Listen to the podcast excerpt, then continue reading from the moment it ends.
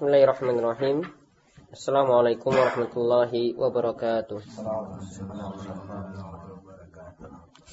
Alhamdulillahirabbil alamin wassalatu wassalamu ala asyrafil anbiya wal mursalin nabiyina Muhammadin wa ala alihi wa man tabi'ahum bi ihsanin ila yaumiddin. Baik ikhwani fid rahimani wa rahimakumullah. Alhamdulillah pada kesempatan selepas sholat fajar ini kita dipertemukan oleh Allah Subhanahu wa taala kembali di majelis yang mulia ini yaitu majelis surutin kita membahas kitab tauhid.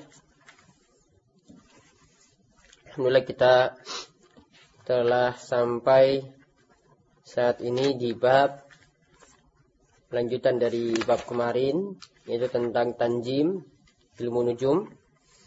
Sekarang yang kita bahas pada kesempatan kali ini yaitu masih ada kaitannya yaitu tentang meminta hujan atau menyandarkan turunnya hujan pada bintang. Beliau katakan babnya adalah bab maja'a fil istisqa'i bil anwa. Bab maja'a maksudnya adalah ancaman bagi orang yang yang meminta hujan atau menyandarkan datangnya hujan pada anwa, pada bintang.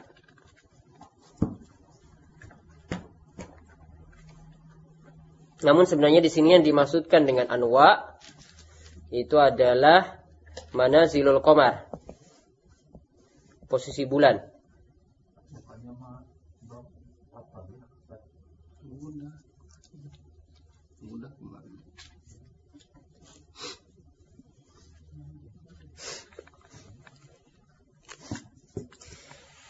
Ya, jadi yang lebih tepat di sini adalah now itu maknanya adalah posisi manazilul komar. Yaitu posisi bulan. Jadi kalau di kita lihat posisi bulan itu ada 28 posisi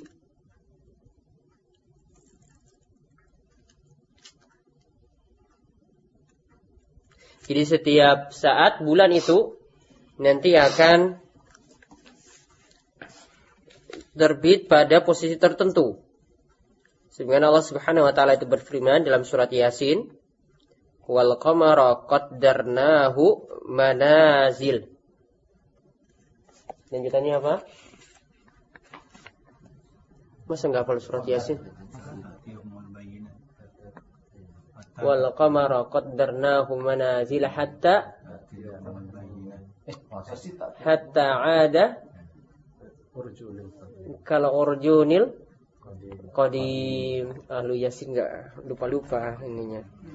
Dulu dulu biasa ahlu yasin.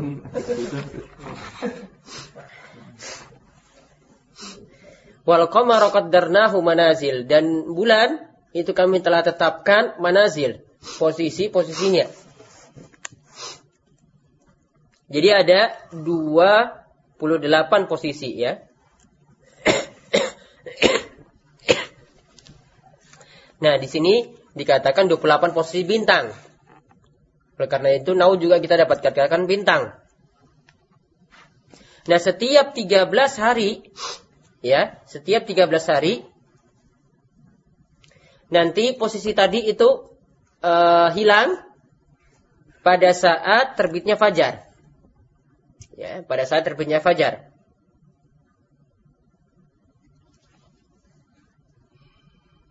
Terbitnya fajar subuh maksudnya ya.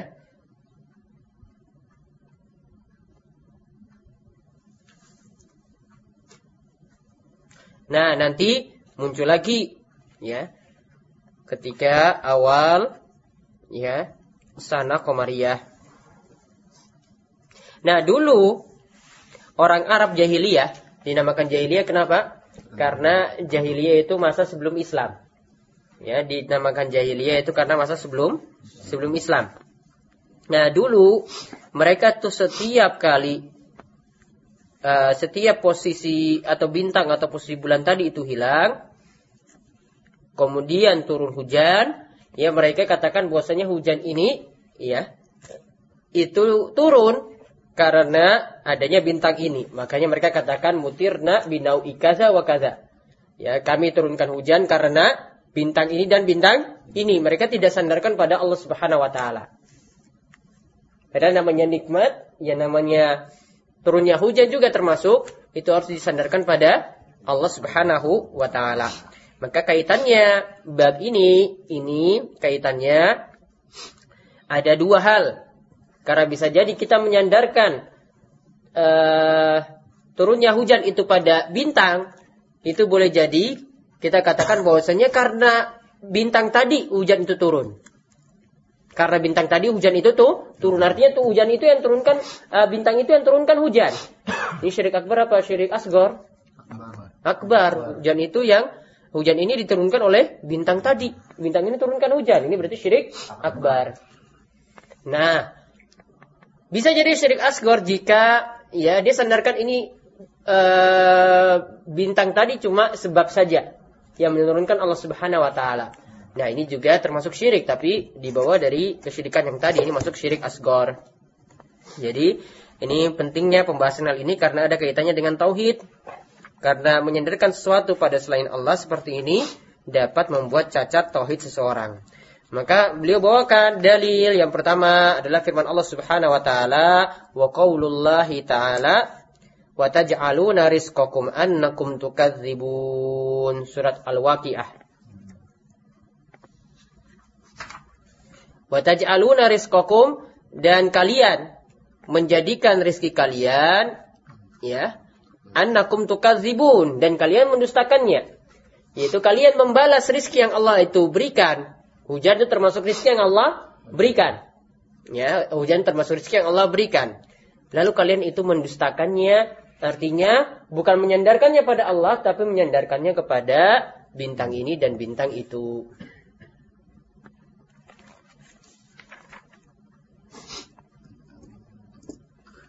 Nah, karena dia sandarkan pada selain Allah, ya dia katakan uh, hujan ini turun karena adanya bintang ini dan bintang itu. Nanti bagaimana benarnya? Yang nanti akan beliau jelaskan dalam hadis ya dua hadis berikutnya. Jadi tidak boleh kita menyandarkan ya turunnya hujan itu pada bintang. Dan karena rizki, ya, sama halnya dengan rizki secara umum itu tidak boleh disandarkan kepada selain Allah Subhanahu Wa Taala. Kalau dia itu misalnya dapat rizki, ya dapat rizki nomplok, nah nggak boleh dia bilang itu dari Pak Kiai. Wah ini karena saya ke kuburnya Pak Kiai kemarin nggak boleh. Ya ini karena ya saya ya kemarin kumpulkan kotorannya kebo selamat kiai selamat dikumpulin. Makanya dagangan saya itu laris. Ini kan menyandarkan suatu pada selain Allah Subhanahu wa taala. Apalagi ngalap-ngalap berkah seperti itu bisa sampai derajat syirik. Kemudian kita lihat yang berikutnya. Dari Abu Malik Al-Ash'ari. An Abi Malik Al-Ash'ari Nama aslinya itu adalah Al-Harith bin Al-Harith Asy-Syami. Dia adalah seorang sahabat. Dari Abu Malik Al-Asy'ari radhiyallahu anhu, anna Rasulullah sallallahu alaihi wasallam, bahwasanya Rasulullah sallallahu alaihi wasallam berkata, arba'un fi ummati min amril jahiliyah la yatrukunahunna. Ada empat perkara fi ummati yang masih ada dalam pada umatku. Artinya ini Ya. Ini perkara jahiliyah, artinya sebelum Islam ini sudah ada. Tapi masih ada dalam tubuh umat Islam, ini masih diwariskan. Masih tetap terus ada. Ini perbuatan jahiliyah dahulu. Tapi umat Islam masih mengambil tradisi tersebut. Ya, masih mengambil tradisi tersebut. Kalau sekarang lebih maju lagi. Ya, mau rayakan Natal ya, nanti bisa rayakan juga mau nanti suruh tahun baru juga tahun baru, mau Valentine Valentine nggak tahu itu maksudnya apa, pokoknya ikut orang Barat saja. Masih diwariskan. Kemarin kita sudah lihat ya bahwa ada hadis-hadis yang mengatakan bahwasanya umat Islam itu pasti akan mengikuti jejak ya umat yang sebelum is Islam, Yahudi dan Nasrani. Ya. Bahkan di antara tanda kiamat, yaitu harus ada dulu di antara umat ini yang mengikuti jejak orang mus musyrik, yaitu beribadah kepada ausan, beribadah kepada berhala.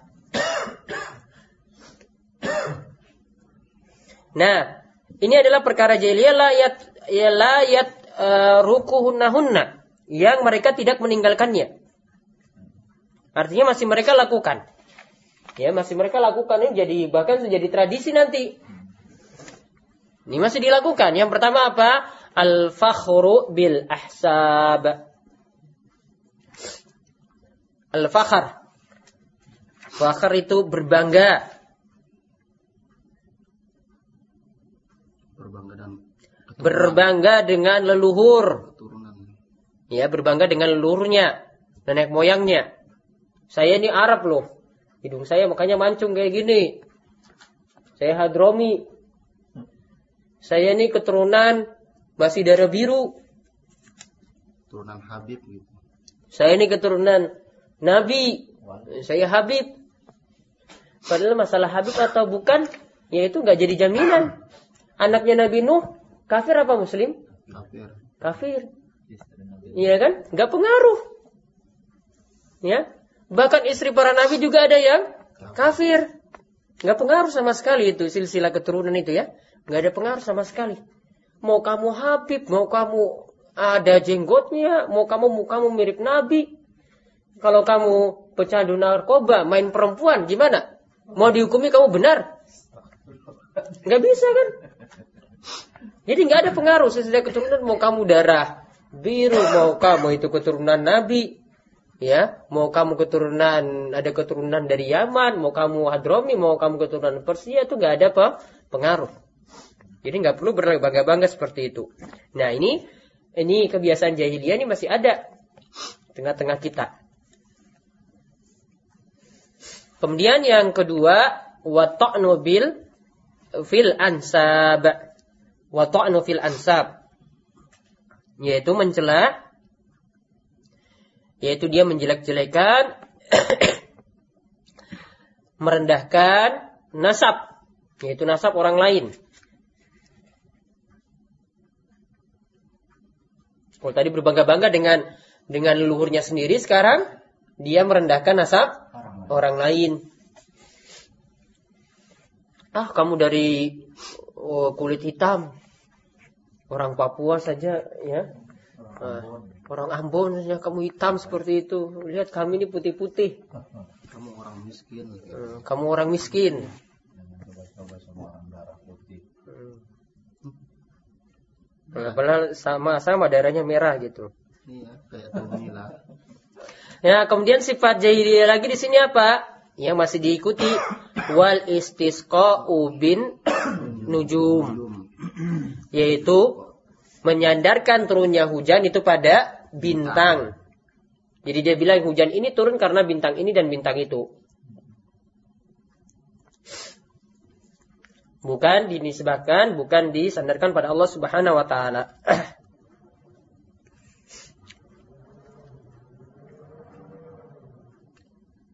Kemudian yang keempat, yang terakhir, waniyahatu 'alal mayyit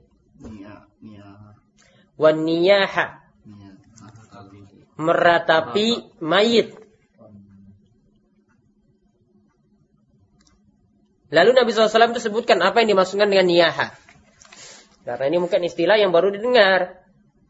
Ya, ini sudah jadi perkara jahiliyah. Ini masih ada di tubuh umat umat Islam. An-naiha ha, idza lam tatub qabla mautiha tuqamu yaumal qiyamati wa 'alaiha sirbalun min qat- qataran wa dir'un min jarab. Nia ah, adalah apa tadi?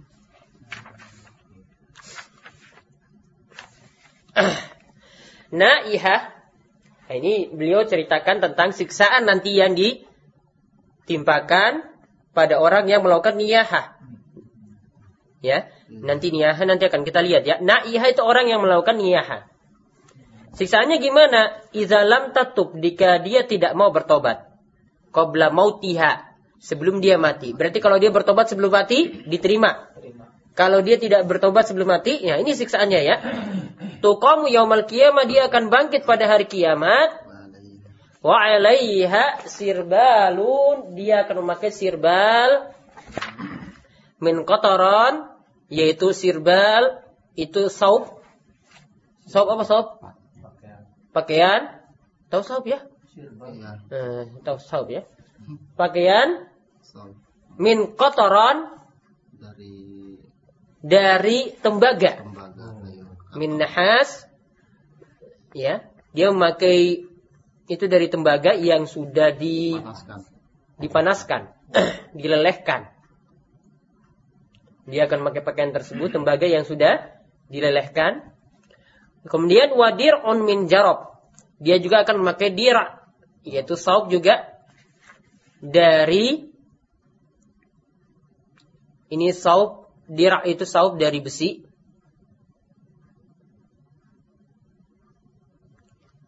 Ini baju perang ya dari besi. Tapi di baju perang ini minjarob. Ini baju perangnya malah ada apa?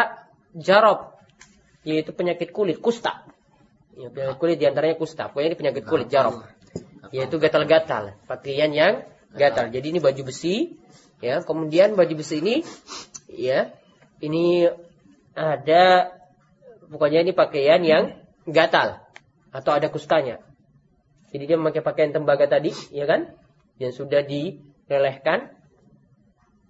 Kemudian ya, yang sudah dilelehkan, kemudian dia akan memakai baju besi yang Gatal. yang gatal. yang bercampur dengan penyakit gatal. Gatal pada kulit. Yang suka ini juga ya, merayakan hari, tujuh hari itu. Nah, niyaha ini asalnya coba kita lihat satu persatu di sini ya. Niyaha ini kalau para ulama jelaskan, niyaha itu adalah jika seseorang bersedih dan meratapi mayit. Serta ketika mayit itu meninggal, dia ungkit-ungkit kebaikan yang dia lakukan dahulu.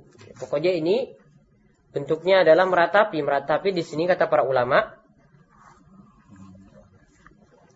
mereka katakan bahwasanya ini menangisnya itu dengan suara keras. Ya, menangis itu boleh ketika orang itu meninggal dunia, boleh. Tapi dengan suara meraung-raung. Jangan berlebih-lebihan. Ya, ini beraung-raung. Ya, biasanya ini kalau wanita tuh biasanya yang melakukan seperti ini. Ya, perbuatan ini terlarang. Dalilnya tadi sudah disebutkan dalam hadis ini. Ya, arbaun fi ummati min amril jahiliyah la yatrukunahunna.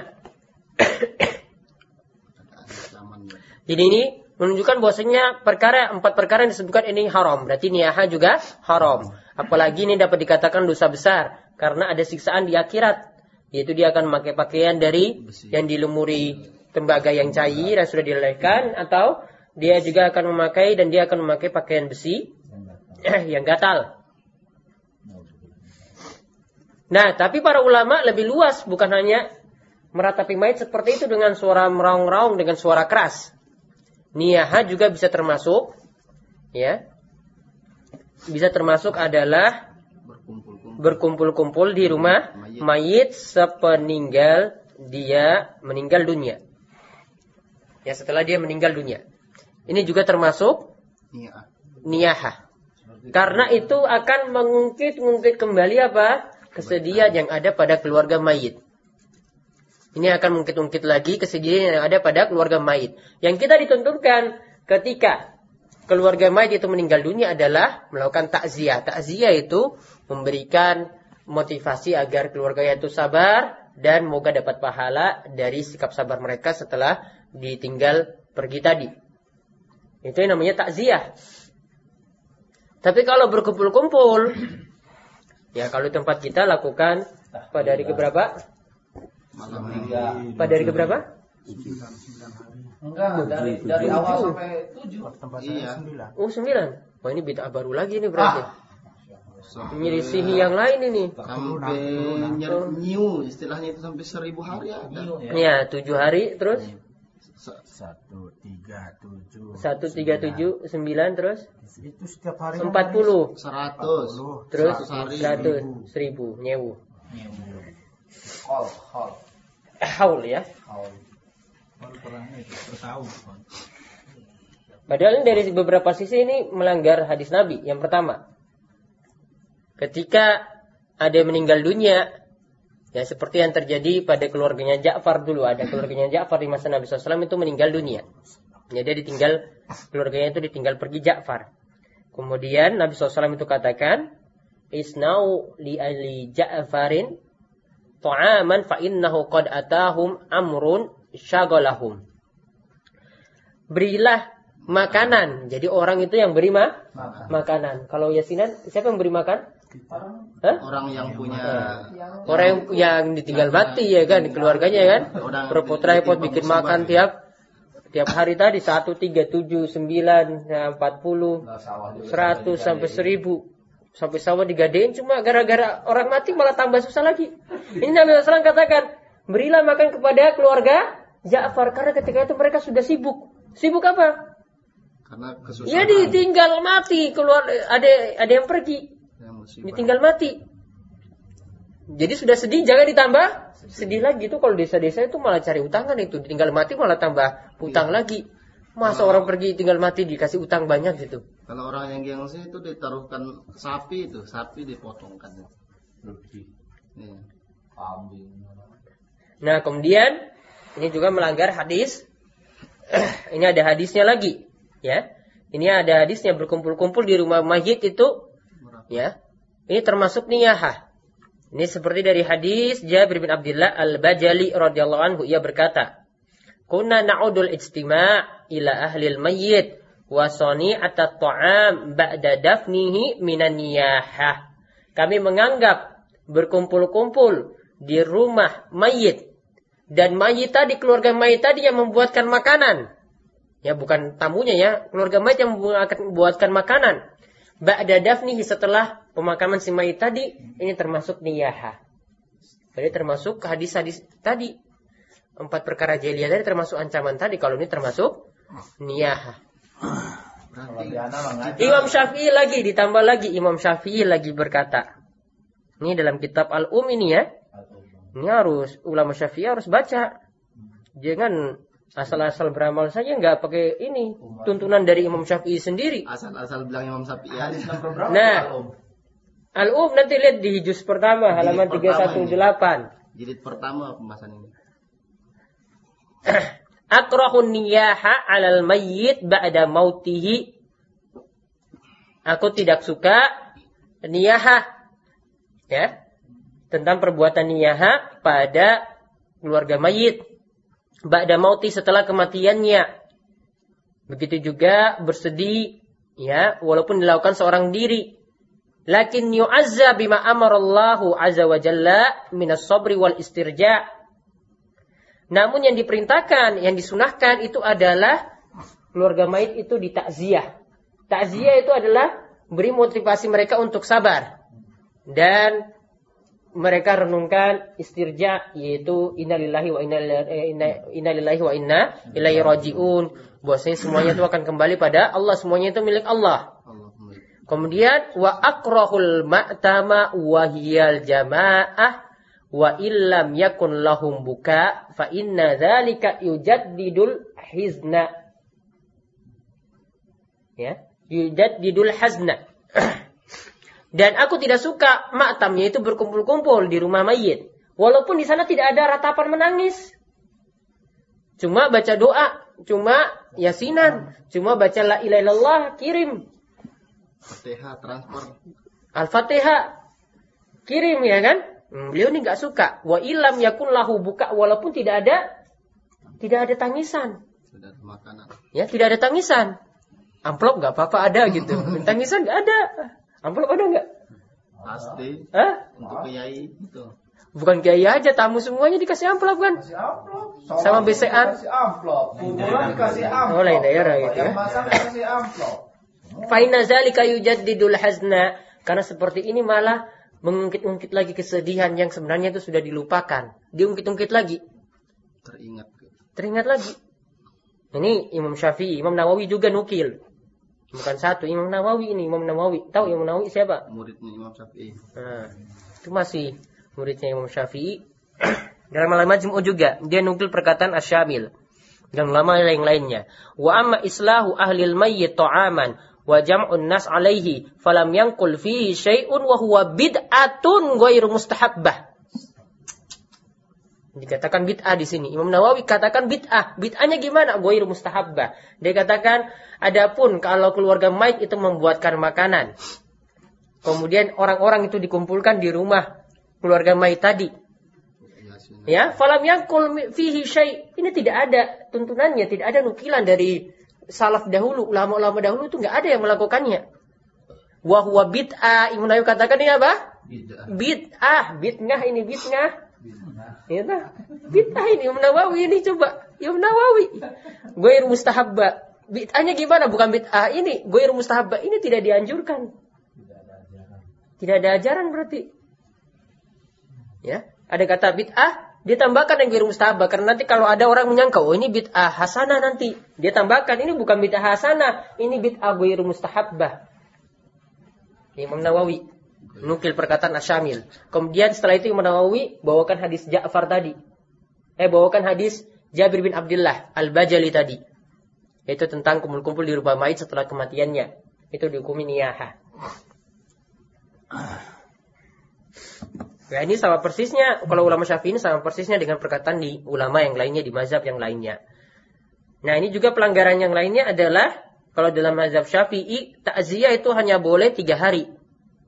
Takziah itu hanya boleh tiga hari. Saya pernah bahas dulu ketika bahas di Kitabul Janais di mata Nabi Suja. Mata Nabi Suja itu sebutkan wa yu'azza ahluhu ila salasati ayyam min dafnihi. Keluarga mayit itu boleh ditakziahi itu hanya selama tiga, tiga hari setelah pemakamannya. Lebih dari tiga hari gimana? Nggak boleh. Tapi bukan kumpul-kumpul kan itu, takziah saja. Ya takziah, ini takziah saja ini. Bertamu lah gitu. Bertamu gitu aja maksimalnya tiga hari.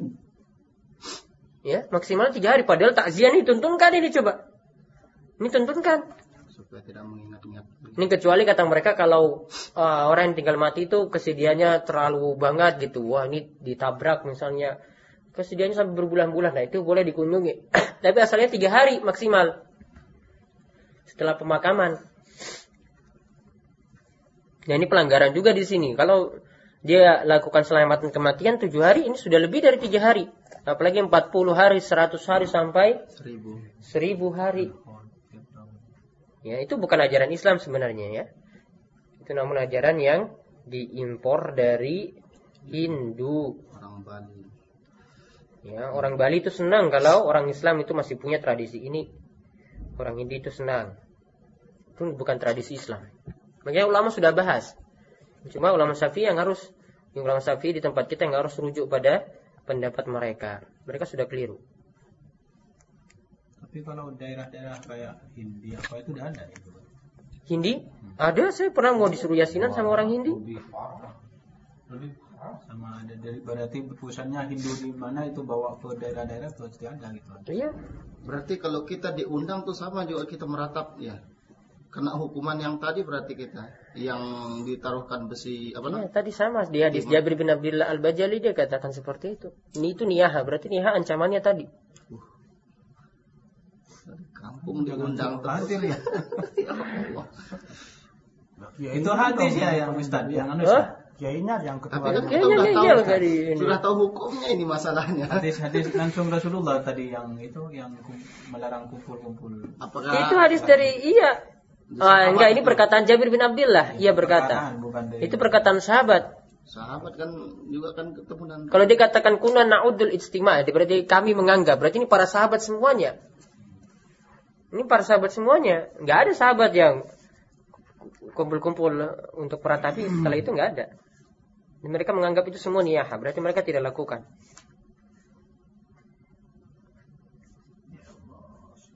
Ya, jadi ada penukilan dari Imam Syafi'i sendiri, Imam Nawawi sendiri ada, ya. Kurang apa lagi coba? Ini sudah sudah besarnya ini. Belum lagi yang lainnya. Masih banyak ya di kitab fikih Syafi'i itu masih banyak. Cukup yang besar-besarnya aja kita ini belum selesai. Belum, belum. Kemudian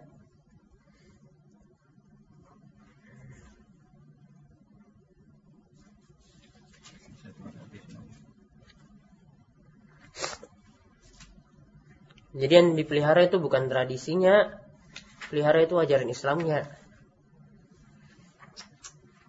Sekarang tradisi yang dipelihara kental.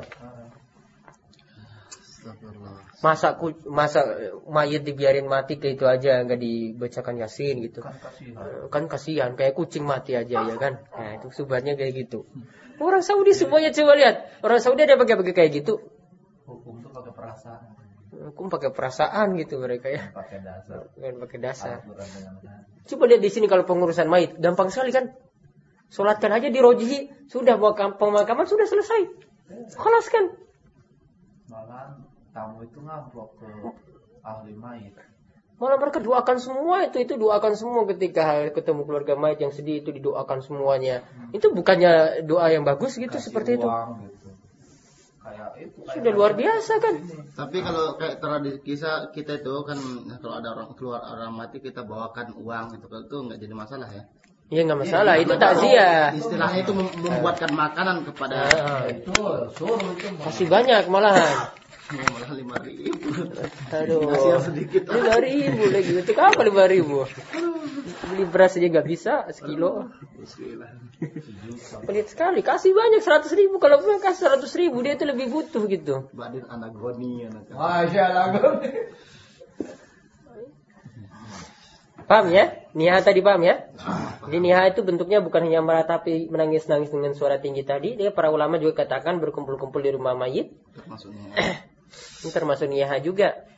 Ya, keluarga mayit yang bikinkan makanan termasuk niyaha. Harusnya sebaliknya tadi, ya, kita datang bawa makanan seperti itu, mereka itu dihibur. Ya, bukan malah menyusahkan mereka dengan tambah bencana lagi.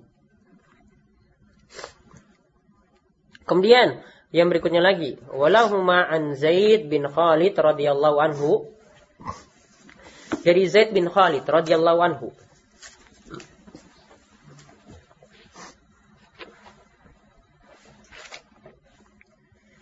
Zaid bin Khalid radhiyallahu anhu qal ia berkata Sallalana Rasulullah sallallahu alaihi wasallam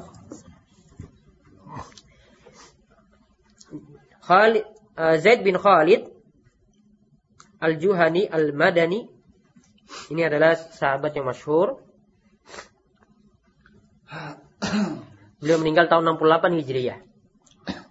Nah, ia berkata, Salalana Rasulullah SAW, Rasulullah SAW itu solat bersama kami, solat subhi, solat fajar. Jadi bisa disebut solat subuh, bisa disebut solat fajar ya. Bil Hudaybiyah. Sama. Bil Hudaybiyah, di Hudaybiyah. Ala isri sama, ya, yaitu pada tem ala isri sama in kanat minal lail. Yaitu pada tempat yang malamnya itu turun hujan di situ.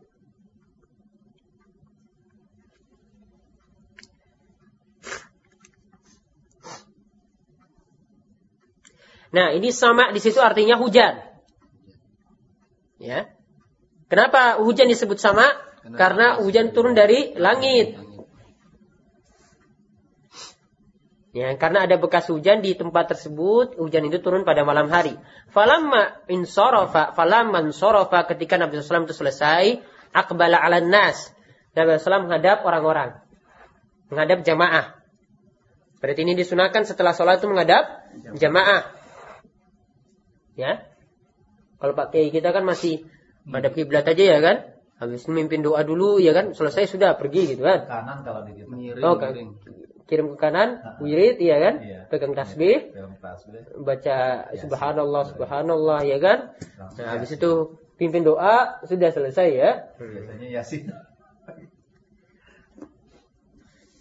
Nah, fakal kemudian Nabi SAW itu menghadap jamaah kemudian berkata, Hal tadruna maza qala rabbukum? Tahukah kalian apa yang Rabb kalian itu katakan? Firmankan. Qalu Allah wa rasulu a'lam. Yaitu Allah dan Rasulnya yang lebih tahu. Kalau Nabi SAW itu masih hidup, maka katakan Allah dan Rasulnya. Tapi kalau Nabi SAW sudah meninggal dunia, ya katakan Allahu a'lam. Allah wa Rasulu a'lam. Qal kemudian Nabi SAW katakan qala Allah Subhanahu wa taala itu berfirman asbaha min ibadi mu'minun bi wa kafirun. Ya. Asbaha min ibadi ada di antara hambaku yang beriman kepadaku wa kafir dan ada yang kafir.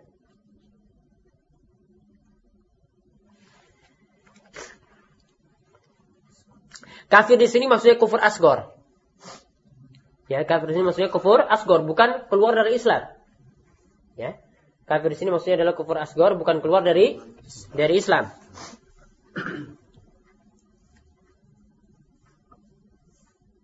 Kemudian fa'amma mangkal adapun yang mengatakan mutirna bifadlillahi wa rahmatih ya mutirna bifadlillahi wa rahmatih hujan ini turun karena karunia Allah dan rahmatnya. Fadzalika mu'minun bi kafirun bil kaukab. Maka orang tersebut itu beriman kepadaku dan mengingkari apa? Turunnya hujan karena bin bintang jadi ini orang yang beriman kepada Allah Subhanahu wa taala, dia ucapkan doa setelah turun hujan. Doa setelah turun hujan apa? Tadi mutirna bi fadlillahi wa rahmatihi. Ketika hujan itu turun apa? Ketika hujan turun apa?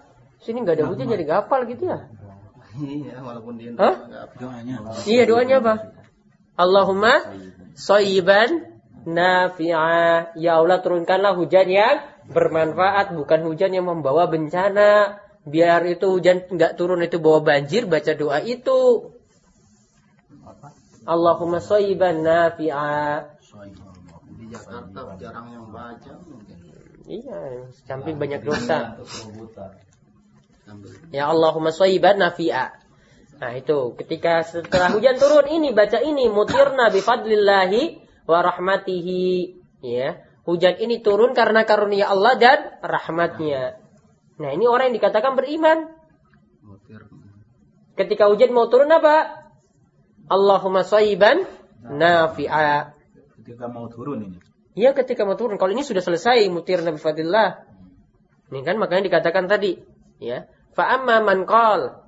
Ya mutirna fadillah. Mutirna artinya mutirna itu hujan telah turun.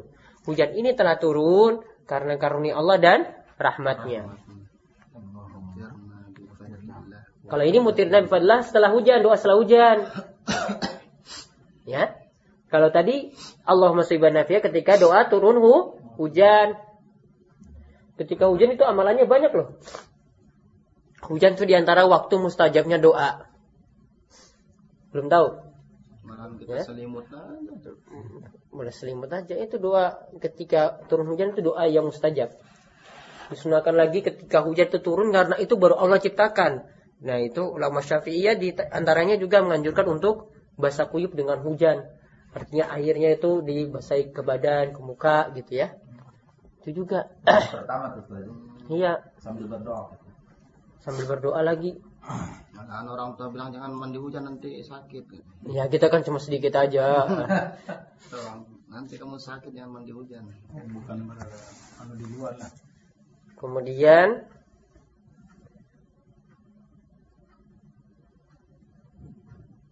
Ya, ketika dengar petir juga itu ada doanya. Apa doanya? Ya Allah. Subhanalladzi yusabbihu ra'du wal malaikatu min khifati. Subhanalladzi yusabbihu ra'du. Maksudnya Allah yang ar-ra'du, petir itu ya, bertasbih kepada Allah. Yusabbihu ra'du wal malaikatu dan malaikat juga bertasbih. Min khifati karena takut kepada Allah Subhanahu wa taala. Nasrul minallah itu bukan. Nasrul minallah wa wa basyirin mu'minin gitu. Itu doa yang mana? Kok itu yang saya. diajarin ini? Enggak, ini doa Mas, ini doa Kalau ada Sabit ini. angin, apa hujan sambil angin itu, itu yang dibaca orang tua saya. Beda lagi. Bukan doa itu. Nah, itu juga bisa diucapkan ketika itu. Nanti ada hujan lebat lagi itu ada doanya lagi. Biar hujannya itu nggak turun di sini yang lebat ini, pindah ke tempat lain yang lebih butuh. Ya, itu ada doanya lagi. Karena dulu hujan di masa Nabi SAW pernah Nabi SAW melakukan sholat istisqa. Hujan itu selama seminggu nggak berhenti berhenti. Ya, hujan itu selama seminggu nggak berhenti berhenti. Kemudian sudah minta hujan turun, Nabi SAW minta hujan lagi supaya berhenti lagi. Setelah itu setelah seminggu hujan terus. Kan itu kan batu datang lagi. Ya Rasulullah. Karena pada awal itu kan diminta agar turunkan hujan karena hewan-hewan itu pada mati. Pas hujan turun seminggu, ya hujannya datang terus, eh nanti mati juga gara-gara hujan lagi gitu. Jadi minta hujan itu berhenti. Nah, suruh pindah ke tempat lain. Nah, adapun orang yang dikatakan kafir tadi kufur asgor, wa amma man qol, adapun orang yang mengatakan mutirna binaui kaza wa kaza, ya hujan ini turun karena bintang ini dan bintang itu, ya. Yaitu dia menyandarkan turunnya hujan itu kepada bintang. Fadzalika kafirun bi, maka orang ini adalah yang kafir kepadaku, kufur kepadaku, wa mu'minun bil kaukab dan dia itu beriman. Artinya menyandarkan turunnya hujan itu pada bintang. Kaukab bintang juga. Kaukab bintang. Nah kalau kita bilang ini, eh, ini mendung mau hujan, bagaimana kok kayak itu? Ini mendung mau hujan. Ya, iya, iya, ada mendung ini, berarti mau hujan gitu. Ya kan cuma tanda saja. Kita nggak bilang mendung itu turunkan hujan kan? Iya. Kan cuma bilang aja, oh ini tanda mau hujan. Nah, tanda mau hujan. Beda. Kalau ini dia sandarkan bahwasanya karena sebab hujan ini, ya, karena sebab bintang ini, ya hujan itu turun. Nah, walahuma min hadis Ibnu Abbas maknahu dan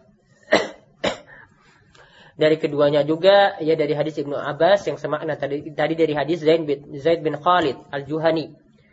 Wa fi qal ba'duhum ya di dalamnya sebagian orang itu berkata laqad sadaqa nau'un kaza wa kaza. Telah benarlah ya atau mereka katakan ya aku beriman dengan bintang ini dan bintang itu. Maksudnya peredaran bintang ini dan bintang itu. Fa'anzalallahu hadhil ayat kemudian Allah Subhanahu wa taala menurunkan ayat ini fala uqsimu bimawaqi'in nujum. Yaitu dalam surat Al-Waqi'ah fala uqsimu bimawaqi'in nujum.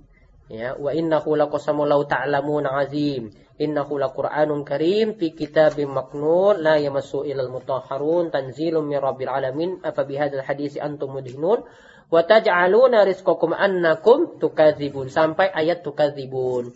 Turunlah ayat itu.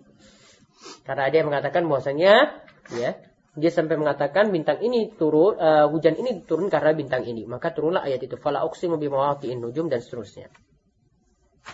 Maka masail faedah dari uh, bab ini yang pertama tafsir surat al-waqi'ah yang pertama tadi. Ya yaitu ayat wa taj'aluna rizqakum annakum tukadzibun kemudian disebutkan empat perkara dari ya ini adalah yang dilakukan orang jahiliyah terdahulu. Yang pertama apa? Berbangga pada Berbangga dengan leluhur. Yang kedua mencela nasab. Yang ketiga menyandarkan turunnya hujan pada bintang atau peredaran bintang atau peredaran bulan. Kemudian yang keempat niyaha pada mayit. Ingat empat ini. Kemudian zikrul kufri fi ba'diha disebutkan bahwasanya salah satu dari perbuatan-perbuatan yang empat tadi itu termasuk perbuatan kufur. Karena disebutkan dalam hadis yang lainnya, ya, dikatakan bahwasanya kafirun bi wa mu'minun bil kaukab. Dikatakan kafir. Ini dimasukkan sini ada kufur as asgor. Beliau katakan juga yang keempat, anna minal kufri mala ya khuruju minal millah. Ada perbuatan kufur yang tidak mengeluarkan orang dari Islam. Ya, ada yang perbuatan kufur yang tidak mengeluarkan orang dari Islam. Itu karena perbuatan tadi menyandarkan turunnya hujan pada bintang atau peredaran bintang itu termasuk perbuatan kufur, yaitu kufur asghar, tidak mengeluarkan orang dari Islam. Yaitu perkataan yang kelima perkataan asbaha min ibadi mu'minun bi wa kafir Ini karena sebab bisa babi nuzulin ni'mah. Ya. Ada yang beriman kepadaku yaitu kepada Allah, ada yang kafir. Ini karena sebab apa? Turunnya hujan. Ada yang menyatakan turunnya hujan ini karena Bintang. karunia Allah. Ada yang katakan bahwasanya ini karena bintang ini dan bintang itu. Jadi dia kafir karena ini, beriman karena ini. Kemudian at-tafattur lil iman fi hadzal maudi. Yaitu eh, perlunya ada pemahaman mendalam tentang masalah iman dalam masalah ini. Kemudian yang ketujuh, atafatun lil kufr. Ya, yaitu perlunya pemahaman mendalam tentang kufur fi hadzal maudi dalam masalah ini. Kemudian yang kedelapan, atafatun li qaulihi laqad sadaqa naun kadza wa kadza. Ya, di antara pengertian kufur adalah ya karena mengatakan ya bahwasanya bintang ini ya karena bintang ini sebab turunnya hujan. Kemudian kesembilan, ikhrajul alam li ta'lim, ikhrajul alim li ta'lim lil mas'alati bil istifham anha. Liqaulihi atadruna ma qala rabbukum. Ya boleh kalau orang yang berilmu itu mengajarkan, itu dia menjanjikan dengan bentuk tanya jawab. Ya, dia tanya seperti Nabi SAW tanyakan pada jamaah ya kan, atadruna ma qala rabbukum? Kalian tahu apa yang Rabb kalian itu uh, firmankan? Tanya dulu ya kan? Kemudian Nabi SAW itu jawab setelah itu.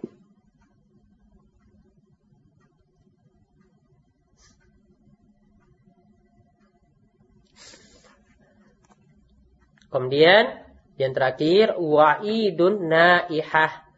Ya, ancaman bagi orang yang melakukan niyahah. Apa ancamannya tadi? Dia memakai Eh, Baju.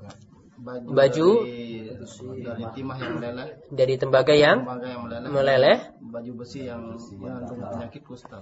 baju besi yang mengandung penyakit kusta. Di soal Oh, ada soal. Ini bukan hanya naihah ini dengan lafaz perempuan ya, tapi bukan hanya untuk perempuan saja, laki-laki juga termasuk. Ada laki-laki yang cengeng kayak gitu juga kan? Ada. Ada. Tapi kalau pas kematian itu kita umpamakan dulu masa kecil-kecil karena lombok itu nggak ada yang dihakekahkan di situ kita hakekah cuma Dia akikahkan ketika mau Sudah mati. Iya, tapi pas kadang-kadang pas hari ke-9 gitu. Kayak di, di Lombok. Wah, itu harus butuh dalil itu. itu kan Tapi dibarengin kalau- Ah, dari pendapat yang terkuat tentang eh tadi akikah ya menyembelih termasuk kurban. Sama kurban dengan menyembelih Eh, kurban sama dengan akikah ya tentang masalah tersebut para ulama khilaf yang pendapat kuat boleh mengakikohi jika ada wasiat kalau tidak wasiat enggak Tapi beda gitu ya. Korban pun gitu ya. ya harus dengan dalil Berarti lebih bagus kita amalkan. Jadi masjid, amalan yang bermanfaat bagi mayat setelah dia meninggal dunia itu harus dengan dalil. Kalau tidak ada dalil nggak bisa. Katakan baca yasin nyampe atau tidak pada orang mayat dengan mengumpulkan jamaah harus ada dalil. Kalau tidak ada dalil nggak boleh. Ya, dalilnya ada kalau ini doa orang berdoa ya terutama anaknya kepada orang tuanya nyampe itu bermanfaat ada dalilnya. Ya, itu ada dalilnya. Lunasi utang, mayit punya utang itu juga bermanfaat bagi mayit. Itu ada dalilnya. Tunaikan kodok puasanya juga bermanfaat bagi mayit. Itu ada dalilnya. Ya, itu ada dalilnya. Anaknya soleh itu juga bermanfaat bagi orang tuanya. Walaupun dia tidak niatkan untuk dia tidak niatkan untuk sampainya pahala pada mayit. Anaknya soleh saja, dia rajin sholat saja. Itu orang tuanya dapat bagian pahala juga. Walau tanpa kirim. Ya? Tidak pakai ilah hadarat ya. Al-fatihah. Nggak pakai pakai pakai itu. Sampai jalan tol langsung. Nggak perlu pakai niat-niat kirim. Ngapain kumpulin orang banyak? Orang banyak juga cuma cari amplop cuma cari makanan cuma cari besean nasi kotak? Kalau ini kodok sholatnya itu nggak ada ya Sat? Kodok sholatnya misalnya ketika dia sakit nih sakaratul maut itu kan udah ada sholat, ketika waktu sholatnya itu sudah lewat, maka tidak ada kodok. Kalau dia meninggalkannya dengan sengaja. Beda kalau orang karena tertidur. hmm, Kalau karena lupa. Keluarganya yang kodok kan. Enggak perlu. Puasa yang Cuma- ada dalilnya. Puasa ya. Ini banyak. Kalau Iya, puasa kalau di, kalau di rumah malah ada sholat hadiah istilahnya. kalau puasa umpama dalam satu bulan penuh dia ada puasa, kita anaknya tiga. Ya dibagi. Sama 10-10 atau sama Belum 5-5 amat ya. dua-dua. Dibagi boleh. tiga sepuluh sepuluh bisa. Ya umpama anaknya rame, cucunya mau juga bantu Iya. gitu dua hari dua hari Pak. Iya. Pun mau saya mau. Bagi semuanya. Boleh. Itu ahli warisnya dibagi kepada ahli warisnya. Boleh juga. Cucu Tapi pun. juga itu soalnya dalilnya kalau mana itu kalau ada orang yang meninggal di diumrahkan kan juga ada kan dalilnya. Ada itu juga ini dalilnya ada. Hajikan, Walaupun tidak ada wasiat badalkan gitu. haji walaupun tidak ada wasiat. Tapi kalau nyembelih haji ada, harus dengan dalil. Nggak ada dalilnya. Sholat. Ini di Samaran ada istilah sholat hadiah itu. Ah, Tapi kalau itu ada semacam itu punya tanah sebelumnya udah dikasih-kasih ya anak-anaknya hmm. perempuan semua mah Hmm. ya ada yang laki. Nah nanti tinggal dia menyisakan satu kotak. Nah ini tanah ini nanti siapa yang apa yang eh, mengurus saya nanti udah mati ambil ini tanah. Itu bunyi wasiatnya. Bunyi- Wasiat tidak diberikan kepada orang yang dapat waris. Karena nanti setelah dia meninggal dunia nanti dibagi waris lagi. Dia nggak bisa dapat double ya yang orang dapat eh, wasiat terus dapat waris lagi nggak bisa. Waris itu eh, wasiat itu selain kepada ahli waris. Jadi tanah itu harus dijual dibagikan ke saudara. Sebelumnya tadi sebenarnya mereka nggak dapat ini sebenarnya.